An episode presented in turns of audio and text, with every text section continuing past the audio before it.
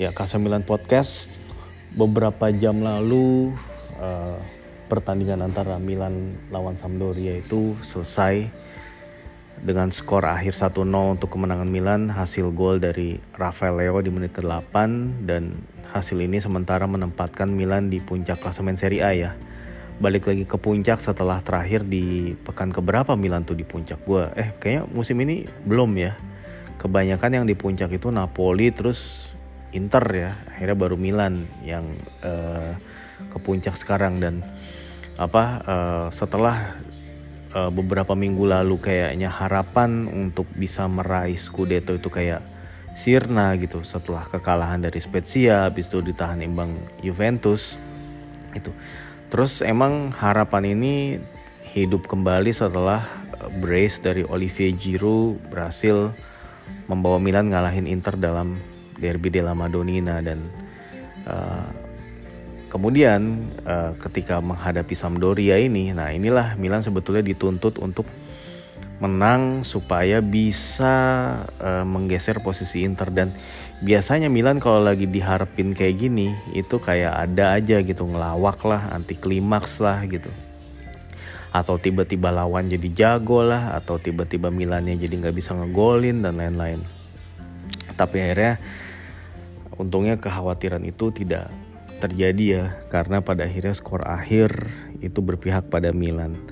Dan seperti biasa gue ngomongin uh, jalannya pertandingan dulu dan uh, ini dari line up uh, perubahan itu dilakukan Pioli uh, yang memasukkan Fikayo Tomori ke dalam starter. Dia mengganti posisinya Pierre Kalulu. Uh, Tomori bersama Romagnoli itu berduet ada juga uh, Florenzi yang ditaruh di bek kiri menggantikan posisi Theo Hernandez yang terkena uh, hukuman larangan bermain. Terus di tengah Tonali Benacer, terus di depannya Brahim Diaz, Leao dan Junior Mesias dan Olivier Giroud. 4-2-3-1 uh, pakemnya. Sementara Sampdoria, nah biasanya kan uh, pelatih Marco Giampolo itu identik dengan pelatih eh dengan pelatih dengan formasi 4 312 di mana di situ ada satu pemain nomor 10 yang bisa jadi pengatur permainan gitu. Nah, uh, tadi karena Sampdoria ini juga dalam kondisi yang um, tidak semua pemainnya itu uh, bisa hadir gitu ya, terutama di lini depan.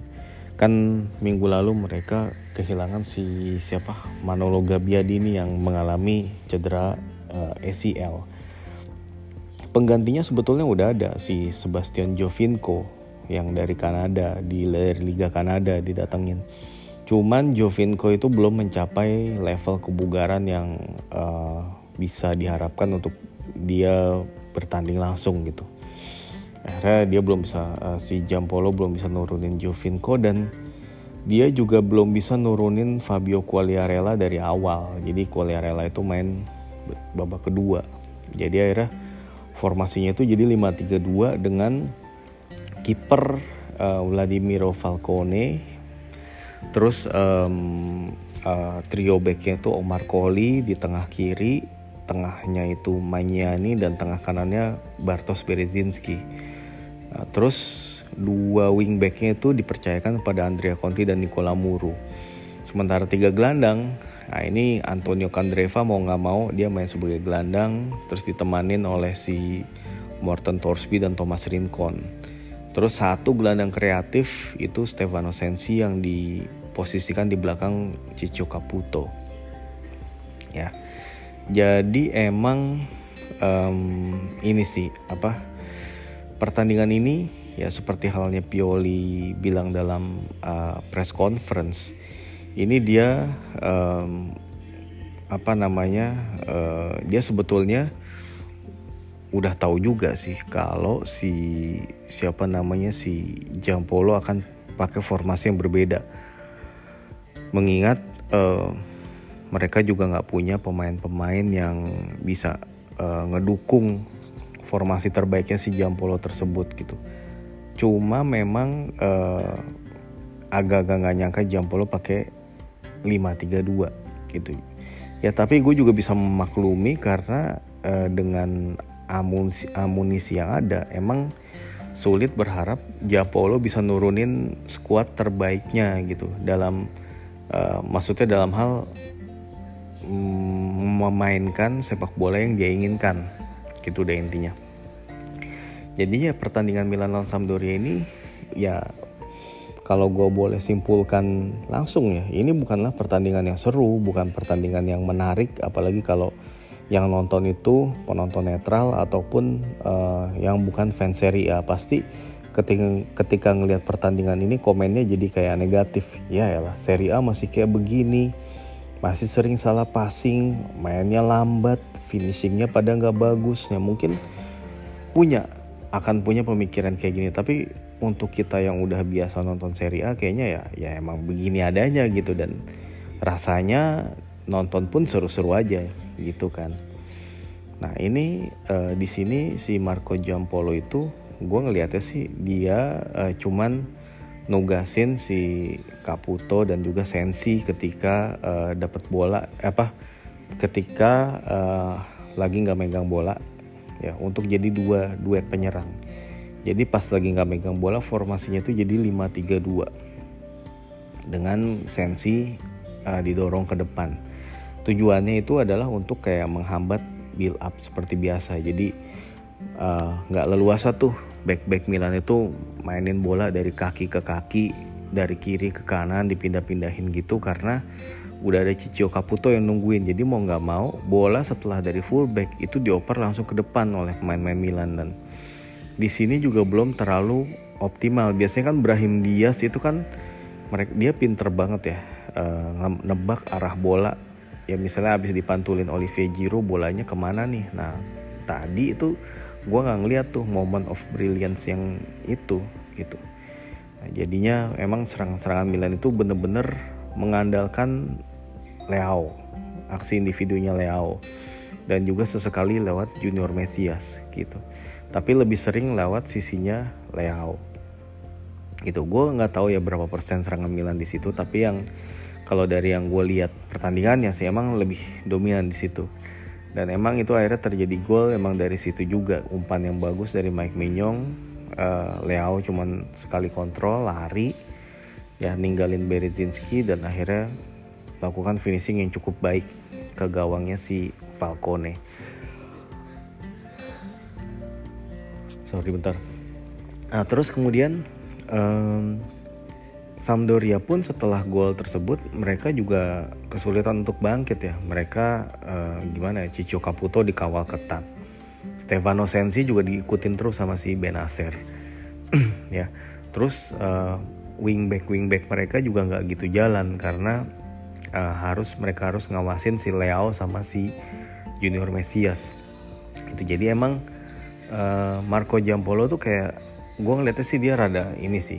Gue kalau jadi dia sih mungkin rada frustrasi karena mau ngelawan gitu ya mau ngelawan Milan itu nggak nggak bisa juga gitu nggak nemuin caranya. Bahkan Quagliarella ya yang uh, bisa dibilang cukup sering menjadi ancaman Milan di di pertemuan uh, musim lalu yang skornya satu sama di San Siro. Itu Quagliarella kan nyetak satu gol yang bagus kan gitu. Nah cuman emang nggak ditemuin sekarang ini kondisinya. Quagliarella cedera gitu ya. Akhirnya si Caputo kayak isolated di depan dan akhirnya dia lebih banyak jemput bola gitu. Dan gue nggak jalan lah skema men, uh, menyerangnya si Sampdoria. Cuman mereka berharap si kiper aja tuh si Falcone itu main bagus gitu. Dan itu emang terjadi. Ya di akhir babak pertama dia berhasil nepis tendangannya Mesias yang itu udah bagus banget gitu. Nah di babak kedua sebetulnya si Jampolo itu um, berhasil setidaknya di awal-awal ya membuat uh, kendali permainan itu ada di mereka gitu. Artinya penguasaan bola dan juga penciptaan peluang-peluang itu mulai bisa dilakukan gitu. Dan Milan juga uh, sering kehilangan bola juga di wilayah uh, final third dan akhirnya itu bisa dimanfaatin oleh si siapa? Sampdoria untuk nyerang balik. Gitu. Nah um, tapi uh, oh iya Sampdoria juga masukin uh, tiga pemain ya. Ronaldo Vieira uh, gantiin Torsby Ekdal. Ekdal itu gantiin si uh, Conti dan satu lagi yang masuk itu si siapa ya namanya ya? Yang oh iya si Aujelo ngegantiin si Nicola Muru. Nah ini dengan masuknya tiga pemain ini sebetulnya Sampdoria itu jadi lebih bertenaga gitu ya. Mereka bisa lebih main direct dan akhirnya ada satu tendangannya Kandreva yang on target tapi ya udah. Sekedar ngarah ke gawang buat Mainyong nggak terlalu jadi ancaman. Gitu. Terus um, di sini kemudian si Stefano Piolo ngerespons dengan pergantian pemain yang juga tepat Brahim dia ditarik digantiin Kessie terus si um, siapa namanya uh, Benacer ya Benacer digantiin sama Kronik. Eh, itu di menit-menit ke sininya. Uh, dia pertama tuh masukin Kessie gantiin Brahim terus uh, Leao diganti Rebic dan si Junior Mesias diganti Selemakers belakangan baru kemudian si Kalulu masuk sama si uh, Kronik masuk. Gitu. Nah terus uh, sejak pemain-pemain baru ini masuk emang Milan itu kayak regain the control of the game. Mereka pemain-pemain yang masih seger ini masih uh, belum terkuras energinya ini mereka tuh emang sanggup nyiptain beberapa peluang ya. Tapi sayangnya tuh nggak ada yang berbuah gol tambahan. Ante Rebic ada peluang yang benar-benar udah tinggal nembak ngarahin bola seperti dia biasa tapi bola itu diarahinnya lebih ke tengah jadi ditepis sama si kiper. Olivier Giroud juga beberapa kali dapat peluang ada lewat sundulan ada satu yang lewat kayak tendangan ikoniknya dia ya um, scissor kick gitu ya tendangan gunting. Hasil umpan dari Rebic itu berhasil ditendang sama si Giroud lewat tendangan gunting yang bagus banget tapi sayangnya masih ditepis juga sama si uh, Falcone. Jadi Falcone itu seandainya Sampdoria itu punya serangan yang bagus ya dia tuh bisa jadi pahlawan man of the match. Kalau misalnya Sampdoria itu ngebalikin skor jadi 1-2 ya cuman itu nggak terjadi um, apa namanya nggak terjadi dan si uh, Sampdoria itu kayak cuman sekedar mempercepat tempo permainan aja gitu dengan masuknya tiga pemain tadi. Si Ronaldo Vieira sama si Albin Ekdal itu kan emang lebih agresif mainnya dan itu akhirnya uh, dengan Vieira dan Ekdal itu masuk ya bersama Thomas Rincon di tengah itu Kandreva itu jadi balik ke posisi semula ke posisi gelandang kanan. Dan ini emang membuat mainnya dia itu jadi lebih efektif daripada si Kandreva ini ditaruh di tengah. Dan ini cukup ya cukup inilah lumayan bikin deg-degan. Tapi ya karena masih agak jauh dari gawang ya maksudnya nggak sedek-dekan di pertandingan-pertandingan sebelumnya dan Milan ini punya banyak peluang di babak kedua. Tadi peluangnya Rebic, peluangnya Set Makers, peluangnya Junior Mesias, peluangnya si siapa lagi Olivier Giroud. Gitu. Sebetulnya lumayan gitu. Ada Alessio Romagnoli juga dapat peluang gitu. Cuman memang yaitu antara kombinasi antara penyelesaian akhir yang kurang baik dengan performa menawan si uh, Falcone ini. Jadi emang sepanjang pertandingan jadi Milan tuh nggak bisa bermain dengan nyaman. Ini close game juga gitu. Walaupun Sampdoria nggak gitu dominan, tapi tetap kalau unggul cuma 1-0 itu kayak masih ada was-was aja gitu. Ini kayak takut terulang Milan lawan Spezia yang cuma bisa nyetak satu gol, terus akhirnya Spezia bisa nyamain kedudukan dan menangin pertandingan. Cuman emang Spezia itu kan punya pemain kayak Kevin Agudelo ya, yang bisa jadi uh, bikin perbedaan gitu dan emang dia punya skill yang bagus. Nah, Sampdoria itu nggak punya pemain-pemain yang seperti halnya si uh, Spezia punya Agudelo. Pengganti yang dipunyai si uh, siapa namanya si Jampolo itu cuman kayak ngegantiin posisi doang gitu, nggak ada kontribusinya terhadap kayak apa ya?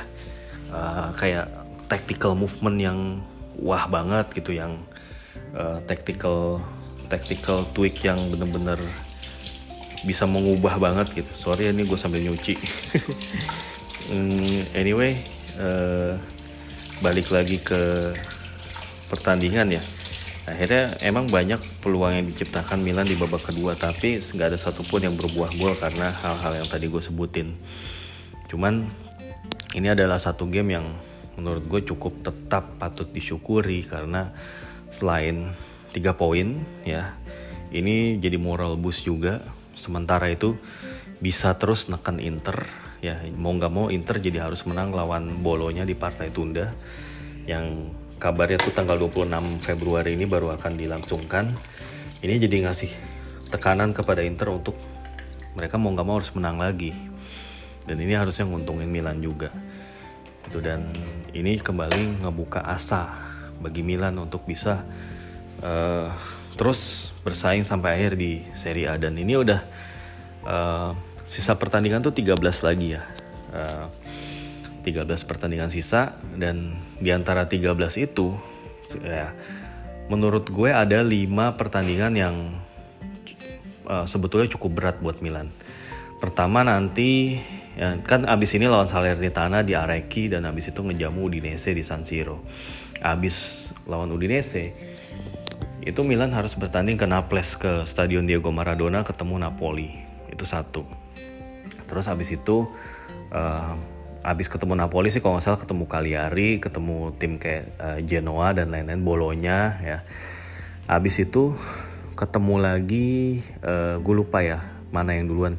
Lazio abis itu Fiorentina ya. Jadi lawan Lazio di kandang lawan lawan Fiorentina di San Siro terus abis itu abis itu lawan Atalanta di San Siro dan di pekan terakhir itu ketemu Sassuolo di uh, apa namanya Mape Stadium. Gitu. Jadi uh, ada lima game yang menurut gue masuk dalam kategori cukup berat buat Milan. Dan game-game lain yang juga nggak bisa dianggap remeh karena ini adalah lawan-lawan yang bisa jadi bertarung untuk sal untuk Salvezza bertahan di Serie A. Gitu. Sementara Inter tadi gue sempat ngintip jadwalnya selain mereka mereka tuh masih harus ketemu ini Juventus, Roma, satu lagi ketemu siapa ya? Ketemu Lazio apa ketemu Fiorentina gitu.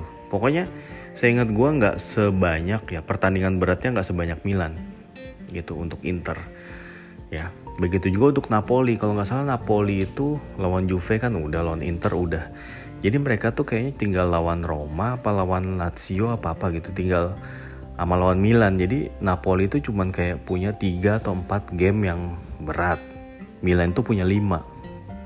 Ya um, ya nggak tahu ya kita coba berharap ya nanti minggu depan Inter uh, ketika lawan Sassuolo itu mereka bisa kesandung. Tapi kita juga nggak bisa berharap terlalu banyak karena Inter sepertinya juga udah harusnya mulai bangkit gitu ya udah anyway ya gini sih nyambung dikit ke derby ya. Kan orang tuh banyak yang bilang kayak wah Inter tuh mendominasi banget loh di babak pertama. Kalau bukan karena kecemerlangan Mike Mignon ya Milan kalah loh. Gitu susah ngebales kalau misalnya Inter udah nyetak 2-3 gol di babak pertama. Ya tapi sebetulnya Inter di bawah si Simone Inzaghi ya itu juga pernah gue gua ngelihat pertandingannya dua kali ya ngadepin situasi kayak yang Milan rasain kemarin. Waktu di kandang Fiorentina Inter juga kayak gitu. Fiorentina banyak banget uh, nyiptain peluang dan mereka mendominasi babak pertama. Tapi karena kecemerlangan si Handanovic cuman satu gol mereka derita. Dan akhirnya mereka bisa comeback ya lewat golnya Darmian sama si Jeko padahal Fiorentina unggul lewat Ricardo Sotil dulu terus ada satu game lagi ya kemarin pas lawan Napoli. Jadi Napoli itu mendominasi banget di babak pertama. Banyak banget nyiptain peluang cuman finishingnya masih kurang oke okay dan ada juga yang diselamatin oleh Handanovic. Dan akhirnya Inter bisa nyamain kedudukan di babak kedua lewat lagi-lagi Edin Dzeko.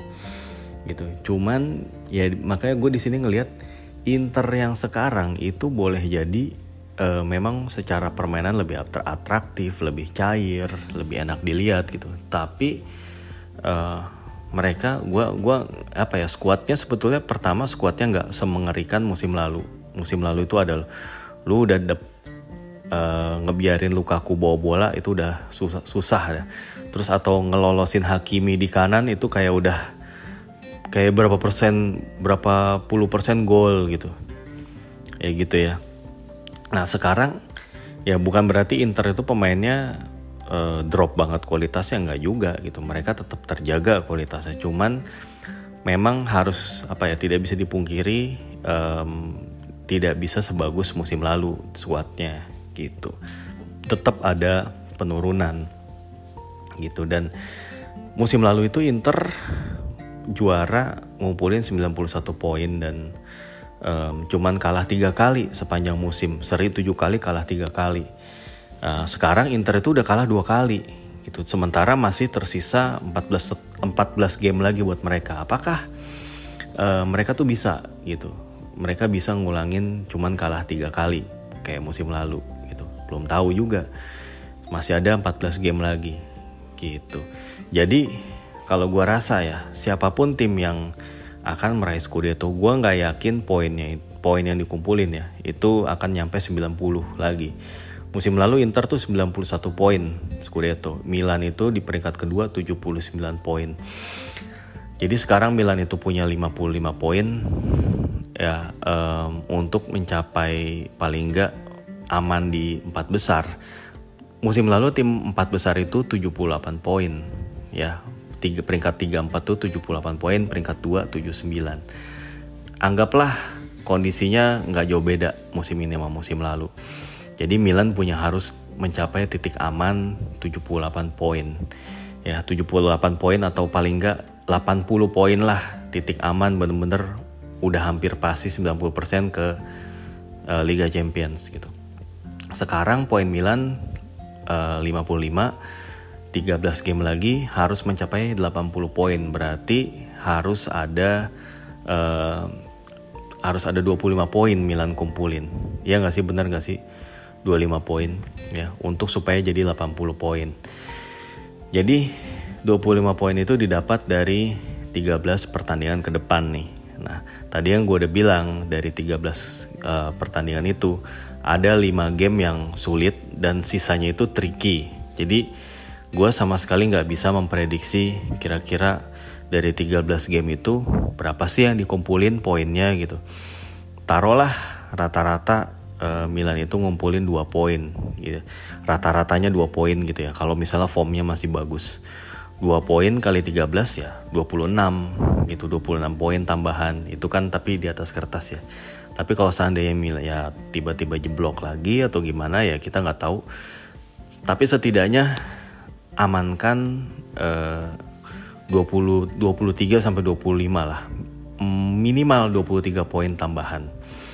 Jadi menurut gue uh, untuk meraih itu menghadapi lawan-lawan yang tadi itu yang 8 di antaranya kan 5 tadi susah lah. Kalau 5 game tadi itu gue bisa bilang kehilangan poin dari 5 lawan itu gue masih bisa terima.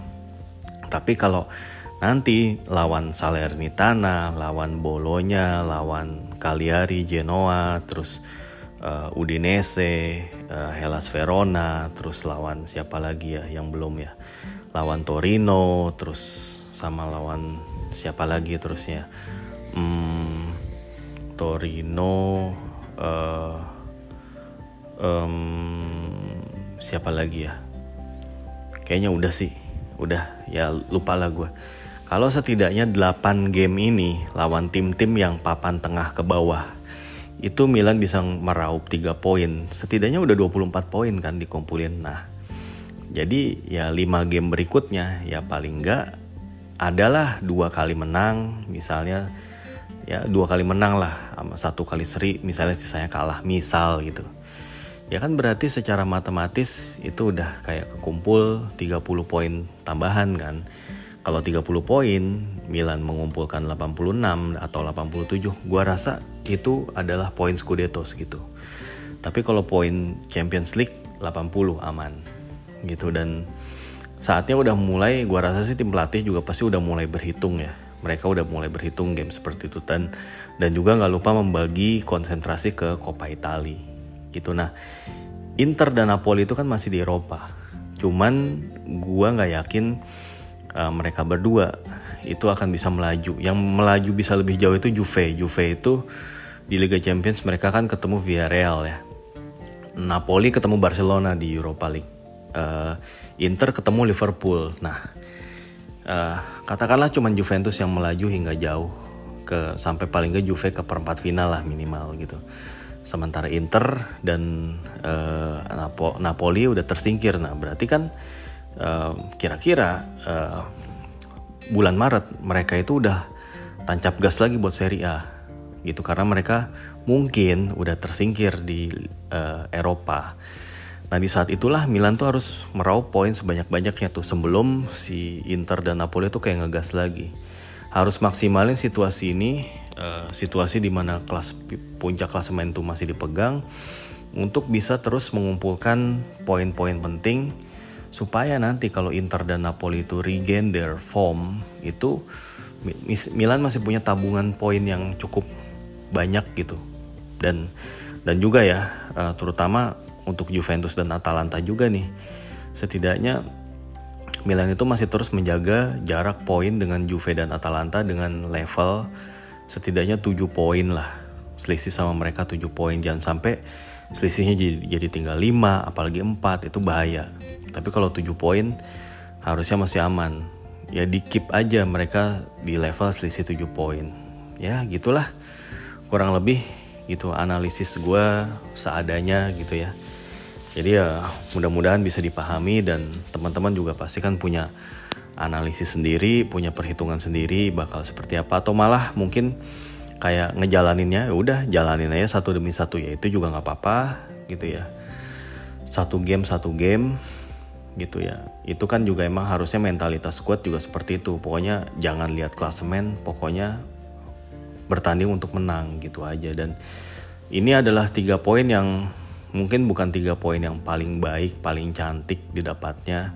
Tapi setidaknya kemenangan seperti ini emang diperlukan dan yang gak kalah pentingnya juga uh, clean sheet dan pemain itu rata-rata. Kayaknya sih kalau gue nggak ini ya emang Sampdoria itu kemarin bermain cukup keras ya. Pemain kayak Leao, Tonali itu sempat kayak dijatuhin terus Calabria Tomori sempat uh, kayak uh, kena kakinya uh, Mesias dan Jiru juga kalau nggak salah gitu. Ya ya semoga aja nggak ada yang mengalami cedera atau apa pun lah yang membuat mereka absen dan semoga juga Ante Rebic cepat balik lagi ke form terbaik dan Zlatan Ibrahimovic juga cepat balik lagi gitu ya udahlah uh, gue rasa ini aja mau gue sampaikan dalam match review sederhana ini. Ya, sampai ketemu lagi dalam episode-episode mendatang di Kasambilan Podcast. Mohon maaf kalau kurang berkenan. Ya, ciao.